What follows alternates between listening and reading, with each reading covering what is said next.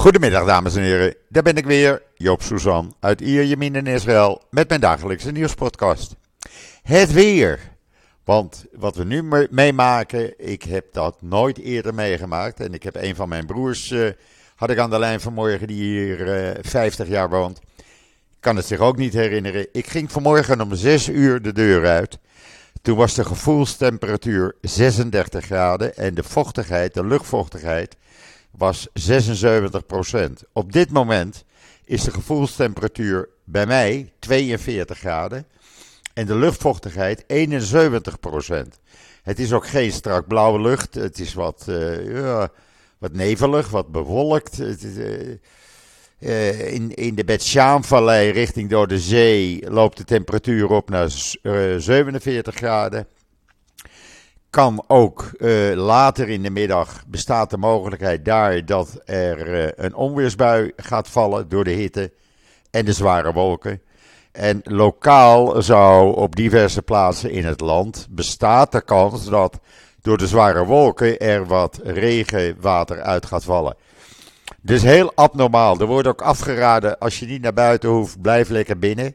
Nou, ik moest natuurlijk met mijn hondje even naar buiten uh, vanmorgen om 11 uur. Want die moet toch even piepie doen. Ja, die had geen zin om te lopen. Die is een paar minuten in de tuin gebleven. En uh, ja, zoals hij dat met regen doet, uh, heeft hij er ook geen zin in. Doet hij dat met deze hitte ook. Even snel, snel. En dan weer uh, draait hij zich om. Laten we maar weer naar binnen gaan. Want het is gewoon te heet. Het is alsof je in een hete overstapt. Zo moet je het voorstellen. En het is echt, het gaat je, ja, het gaat je niet in de koude kleren zitten. Ik stond gisteravond op die uh, vergadering, of uh, vergadering, demonstratie. En ik stond er alleen maar met mijn vlaggetje in de hand. En het zweet liep in straaltjes over mijn rug. Zo, ja, zo heet was het gewoon. Ik ben ook maar een half uur, 40 minuten geweest en toen uh, snel weer naar huis. Wat wel heel mooi was, gisteravond trouwens. Uh, er was iemand overleden die ook in de lokale organisatie uh, gezeten had. En daar werd één minuut stilte aan het begin van de demonstratie voor in acht genomen. En dan moet je je voorstellen, dan staan we met duizenden mensen doodstil en allemaal met de vlag omhoog. Dat is toch wel indrukwekkend, dat is toch wel speciaal. Nog afgezien van het feit dat natuurlijk uh, iedere demonstratie wordt besloten met het uh, Hatikwa, het volkslied. Dus ja, uh, bijzondere dingen die je hier op dit moment meemaakt in Israël. En ik kan me voorstellen dat er toeristen zijn die zeggen: hè, lekker, ik vind die hitte wel prima, maar ja, uh, we hebben het al zo lang. En dan, dan wordt het een beetje ja, eentonig, laat ik het zo zeggen. Ik weet niet hoe ik het anders uit moet leggen. Maar in ieder geval, uh, Joop blijft zoveel mogelijk binnen. Ja, ik moet uh, zo dadelijk eventjes voor controle naar mijn tandarts. Maar goed, dat is maar een paar honderd meter ver, dus dat uh, overleef ik hopelijk wel. En dan snel weer de airco in. Dus wat dat betreft ben ik blij dat ze airco hebben uitgevonden. Maar goed, laten we beginnen met het nieuws. Want er is weer van alles en nog wat hier in dit leuke, gekke, prachtige land aan de hand. Ten eerste hebben Israëlische onderwaterrobots een uh, wedstrijd duurzaam vissen gewonnen. De Universiteit van uh, Haifa deed daar aan mee. En uh, die wonnen dus. En dat kan je allemaal lezen in israelnieuws.nl als je het nog niet gelezen hebt. Heel bijzonder. weer eens wat anders dan gewoon met je hengeltje aan de kant staan te vissen. En dan van Barak Ravid, de beroemde Israëlische journalist, mochten we weer een artikel vertaald plaatsen. En dat staat dan ook op uh, Israël Nieuws. En dat gaat over uh, uh, de deal tussen Saoedi-Arabië en Israël, waar Biden mee bezig is. En Barak Ravid had een primeur, want hij weet te melden dat Netanyahu zijn topvertrouweling Ron Dermer naar Washington stuurt de komende dagen. Om uh, daar over die deal te gaan praten. Dus ja, uh, wie weet. Wie weet. Maar uh, ik ga er nog niet vanuit dat dat snel is. Ja, dan waren gisteravond die demonstraties door het hele land. In Tel Aviv waren er 115.000 mensen. Vergeet niet, hè, we zitten in het midden van het hoogseizoen voor vakanties. Dat wil zeggen dat half Israël op vakantie is. En als er dan toch nog in Tel Aviv 115.000 mensen en een paar honderdduizend mensen in de rest van het land bij elkaar komen om te demonstreren, ja, dat wil toch wel zeggen over die intensiteit. Wat mij wel opvalt, dat er steeds meer ouderen en jongeren komen en meer mensen met een keppeltje op. Tenminste, bij mij gisteravond zag ik eh, een heleboel mensen met een keppeltje. Eh, dus ja, Shomer Shabbat, mensen die de Shabbat houden. En die kwamen toch naar de demonstraties toe. Die zijn er dus ook zat. Wat uh, opvallend was gisteravond. Er was een oud legergeneraal. En ja, die ging de zaak verdedigen. En de man begon tijdens zijn toespraak te huilen. Zo emotioneel was hij. Ik heb de tweet daarvan op Twitter staan. En dan werd er gisteravond in uh, uh, Tel Aviv. Ja, daar ging het natuurlijk over het feit dat ja, het heeft niets meer met alleen de juridische hervormingen te maken. Maar ja, men is ook kwaad dat de light rail, die eindelijk na jaren vertraging vanaf vrijdag in Tel Aviv gaat rijden, de eerste van de zeven lijnen dit is de lijn Badjam naar Petah Tikwa. Die rijdt dus niet op Shabbat en Joodse feestdagen. En men vindt dat een beetje ja, te religieus voor Tel Aviv. Dat het in Jeruzalem gebeurt, oké, daar kan ik me nog iets bij voorstellen. Maar ja, eh, helemaal geen light rail. Ja, dan moet je dat ding elke keer weer opstarten. Maar in ieder geval, het is zo, het is wat het is. Uh, en daarnaast natuurlijk spreekt men nu zijn bezorgdheid uit over het feit dat er uh, ja, door de luchtmachtkolonel verleden week is gezegd dat uh, ja, dit, dit gaat toch gevaar opleveren voor de paraatheid van de luchtmacht. Nu er steeds meer piloten weigeren reservedienst te doen. Aan de andere kant hebben we daar ook de Arabieren die aan de kant staan, maar ja, die toch uh, vrezen dat hun uh, positie steeds meer ondermijnd wordt. Dat staat in de Times of Israel een heel artikel. En dat hebben we natuurlijk gezien van de week met Smotrich, die weigert de, het geld wat voor de Arabische gemeente, of gemeenschappen bestemd is, vrij te geven. Ondanks dat Netanyahu gezegd heeft het moet. Hij doet het niet. Hij geeft het aan de yeshivas, daar gaat het naartoe. En die zeggen, ja, zeggen die Arabieren, onze positie komt steeds meer onder druk te staan en we krijgen het steeds moeilijker. En uh, ja, uh, lees dat artikel maar in Times of Israel. Dan begrijp je een beetje wat er hier aan de hand is. Aan de andere kant zijn er twee voorbeelden van de invloed die extreem rechts en ultra-orthodox nu op de samenleving hebben. Uh, Zvi Kostiner, dat is een prominente extreemrechtse rabbijn, die dringt aan openlijk op de vrijlating van een uh, kolonist, Amiran Ben Uliel. Die is in 2015 tot drie levenslange gevangenisstraffen plus 20 jaar veroordeeld. Omdat hij drie leden van een Palestijnse familie door brandstichting in 2015 heeft vermoord.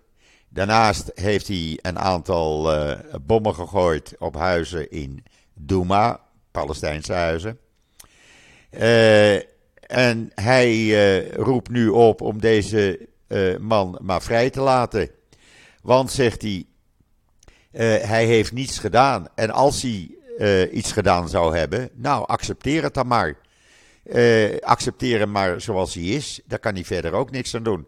Dat zegt dus een prominente rabbijn. Deze kant gaan wij dus op. Nou, dat moeten we dus niet willen. Uh, iemand die mensen vermoordt, hoort in de gevangenis terecht. Zoals we dat met terroristen doen. Uh, of je nou joods bent of niet. Als je mensen vermoordt, hoor je in de gevangenis je straf te ondergaan. Aan de andere kant, gisteren in, uh, dat kan je trouwens lezen in Times of Israel. Maar als je naar de Jeruzalem Post gaat, dan denk je we zitten in Iran. Uh, de reed, er staat een video in een artikel. Een uh, vrouw met haar kinderen die reed met haar telefoon in de hand langs een synagoge in Herzliya, een buurtsynagoge notabene. En daar kreeg ze naar haar hoofd toe geschreeuwd: U bent een heide, dank u heide. Je maakt onze buurt kapot. Het maakt niet uit wat u wilt. Uh, de Messias komt eraan, mevrouw. Uh, daarnaast werd er door een andere synagogeganger nog even geroepen: Shabbat Shalom, Nazi, Nazi-Duitsland. Wat doe je hier? Ga weg uit onze buurt. Omdat ze dus met haar telefoon langs een buurtsynagoge liep. Sorry, maar dit kan niet. Dit kan echt niet. En je kan die hele video zien uh, van deze woordvoering in de Jeruzalem Post vandaag. Ga het maar even opzoeken, want dit gaat echt te ver. Dan denk je, we zitten in Iran. Dit kan gewoon niet. Dit mag gewoon niet. En de regering laat dit toe. Want ja, uh, we hebben drie orthodoxe, ultra-orthodoxe partijen. En twee extreem rechtse partijen in deze regering zitten. En uh, ja, dan, uh, dan krijg je dit soort, uh, dit soort zaken natuurlijk. Dan kan je ook merken aan het feit dat Ben Gwier een nieuwe order heeft uitgevaardigd, de extreemrechtse minister van Politie en Nationale Veiligheid. Iedere politievrijwilligers, vrijwilliger, en Israël heeft tienduizenden politievrijwilligers die naast hun gewone werk politiedienst doen. En dat is heel normaal hier. Iedere politievrijwilliger die zich uitspreekt tegen de regering, tegen het regeringsbeleid, of meedoet aan een demonstratie, of aan een demonstratie tegen de regering goedkeuring uh, uh, uitspreekt, die wordt op staande voet van zijn functie ontheven en ontslagen. Zover gaat meneer Ben Gwier. Ja, sorry, maar deze man is een gevaar voor de staat Israël.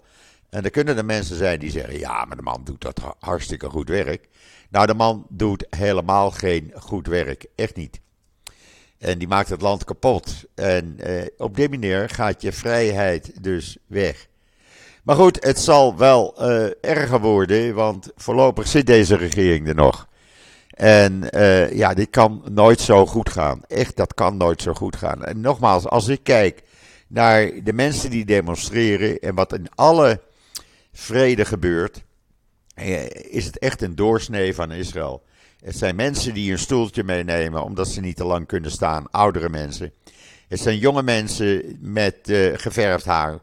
Het zijn hip-hop figuren, mensen met een keppeltje, zoals ik zei. Het is een doorsnee van Israël die tegen dit regeringsbeleid demonstreert. Netanyahu ondertussen verzet zich tegen de deal die Amerika uh, gaat maken, of bezig is te maken met Iran. Dan uh, uh, krijgt Iran 6 miljard dollar van geld wat Amerika vasthoudt. daar laten ze, gaan ze gevangenen voor ruilen. Iran zegt dat ze hun nucleaire programma zullen verminderen. Maar ja, Netanyahu zegt, uh, deze deal die accepteer ik niet, daar blijf ik me tegen verzetten. En ik denk ook dat hij hier een punt heeft. Ik denk dat hij hier gelijk in heeft, want met dat geld gaat Iran gewoon weer nieuwe terreuraanslagen doen. Staat in de Times of Israel.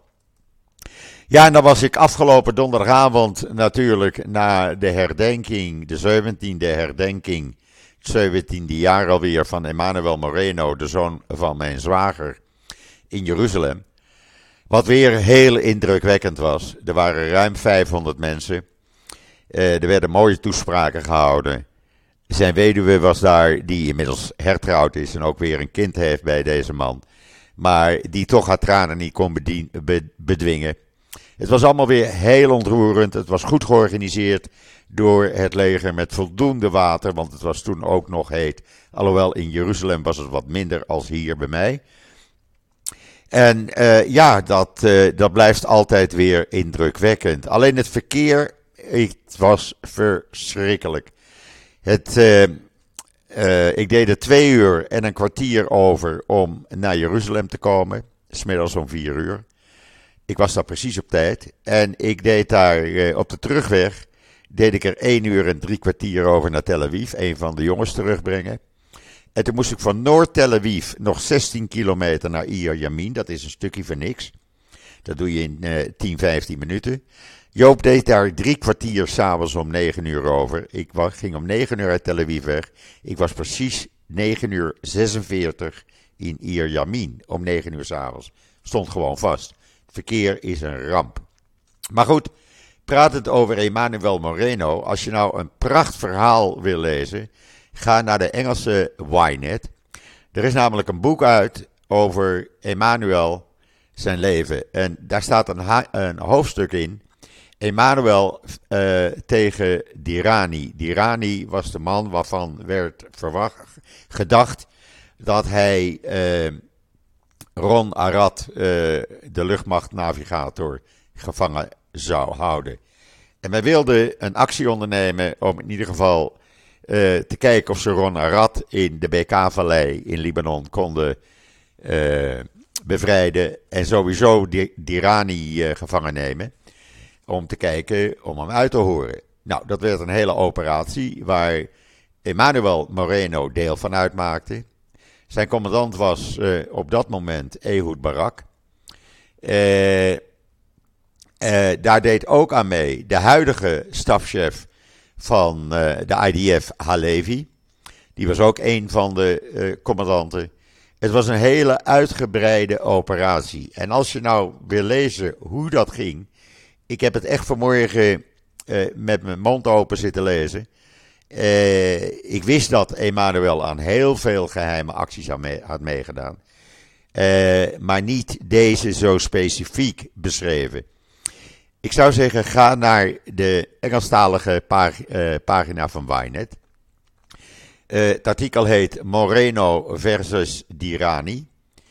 En vertaal het met Google of met een andere vertaalsite. En ga het lezen. Dan krijg je een beetje de indruk wat Emmanuel allemaal heeft uitgehaald. En waarom Emmanuel nog steeds niet uh, zijn foto uh, gepubliceerd mag worden tot 2053. Uh, hij was namelijk degene die dit soort acties deed. Hij was daar in dat huis van die Irani. andere mensen hebben hem gezien. Barak en Halevi die zaten hier in Tel Aviv op het hoofdkantoor. Die deden het via de radio. Maar in ieder geval, uh, lees dit verhaal over Emmanuel Moreno. Het is echt indrukwekkend in de Engelstalige Ynet vanmorgen. En dan uh, waren er afgelopen nacht weer ja, ontploffingen in Damascus. IDF zegt niks, maar het zou zomaar kunnen dat daar dus de IDF aan schuldig is we zullen dat ooit nog wel een keer horen, denk ik zomaar. En dan Joodse organisaties die zijn hulpacties begonnen voor het eiland Maui, in Hawaii. waar al veel doden zijn gevallen, waar hele dorpen zijn weggevaagd.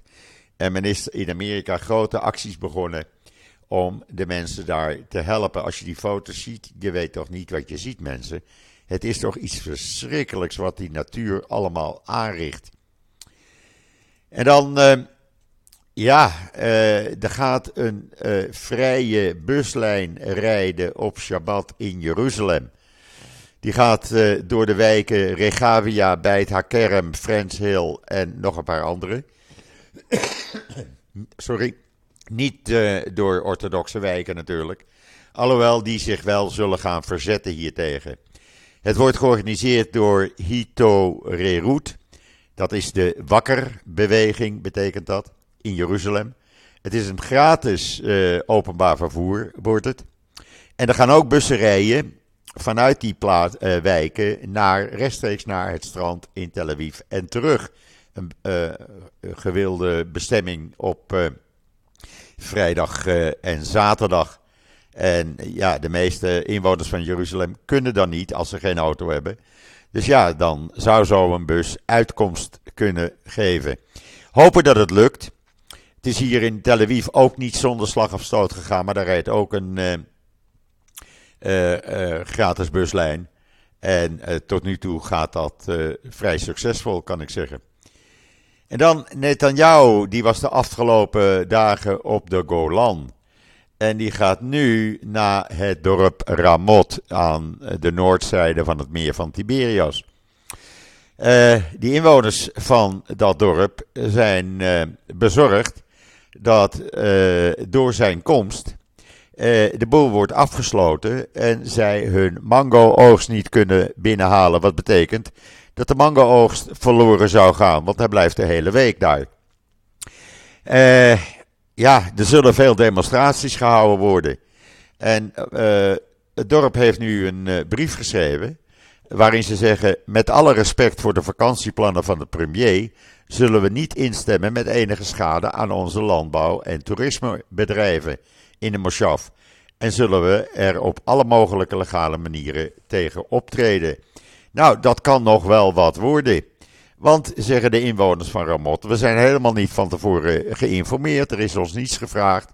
Er wordt maar gedaan. De Netanyahu en zijn vrouw komen. De boel wordt afgesloten. En wij zijn onze mango-oogst kwijt, nog afgezien van het toerisme. Want er kan geen toerisme komen. En het is nu net het oogstseizoen. Uh, we wachten het hele jaar op deze oogst. En die moeten we nu uitstellen. Dat betekent met die, met die hitte dat de boel uh, verpietert en we onze hele oogst kwijt zijn. Alleen maar omdat Netanyahu een paar dagen bij ons wil logeren. Nou, dat uh, moet dus maar even niet gebeuren. Nou, zover zal het niet komen. Maar ja, ik, uh, ik ben bang voor deze mensen. Dat, ja, er is een risico natuurlijk. En dan hadden Palestijnen een nieuwe manier bedacht om wapens te smokkelen langs uh, checkpoints. En ze dachten, weet je wat, dan doen we dat in snackbags.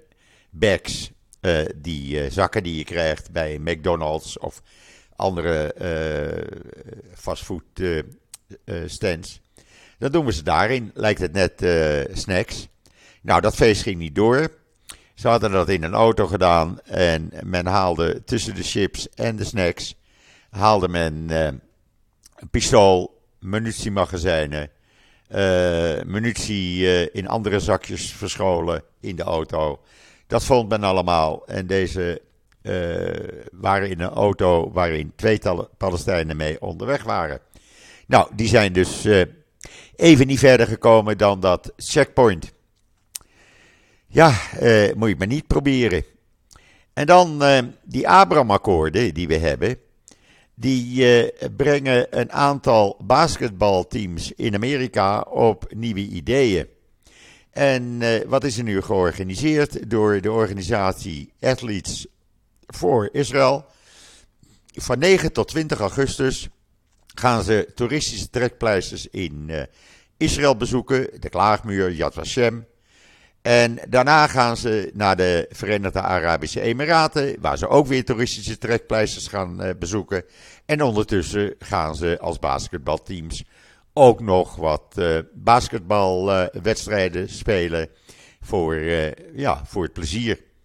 Nou, dat is natuurlijk weer heel wat anders. Dat kon eerst niet. En nu kunnen ze dus rechtstreeks vanuit Tel Aviv naar Dubai vliegen. Ze gaan ook nog hier naar uh, Bethlehem en natuurlijk de Magane Yehuda-markt en de stranden in Tel Aviv. In Dubai gaan ze de Sheikh Zayed moskee bezoeken. Dat is de grootste moskee daar. En ze gaan naar het Abraham familiehuis.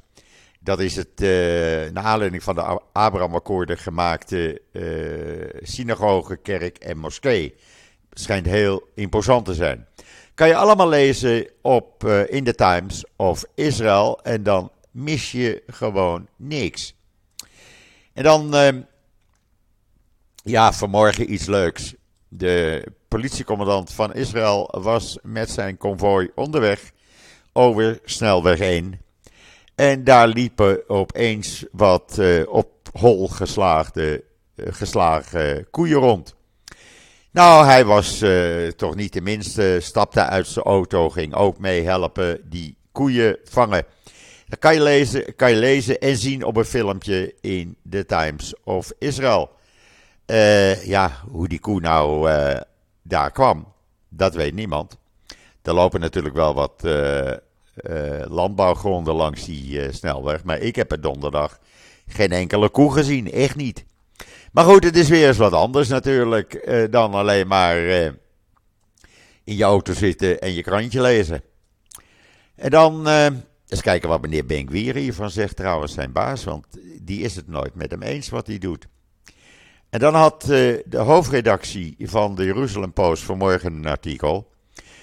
Waarin ze zeggen dat het racisme tegen Ethiopiërs.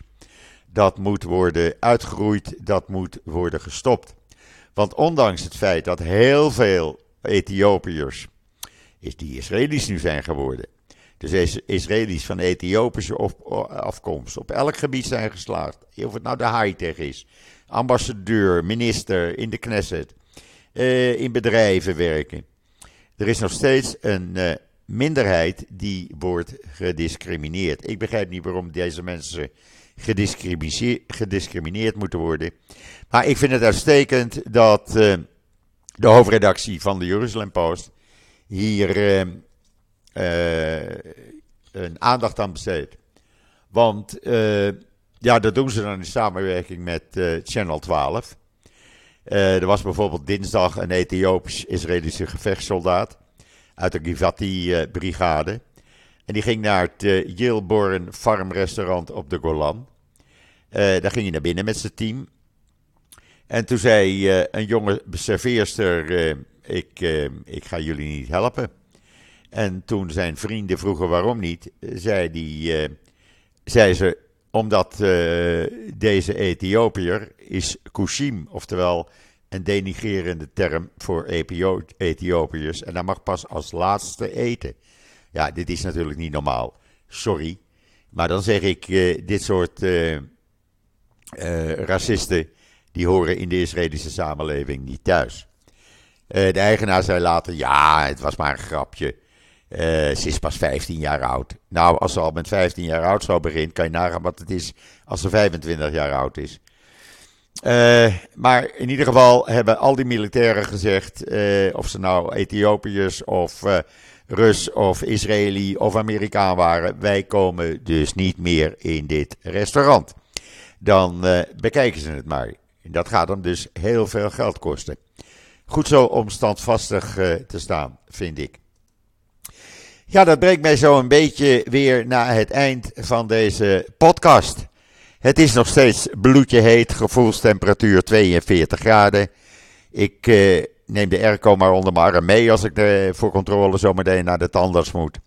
Maar goed, het is maar 300 meter, dus uh, daar kom ik overheen. Uh, rest mij nog u allemaal een hele mooie voortzetting van deze zondag, de 13e augustus, toe te wensen. Het schiet op, mensen. Ik ben er morgen weer en zeg zoals altijd: tot ziens, tot morgen.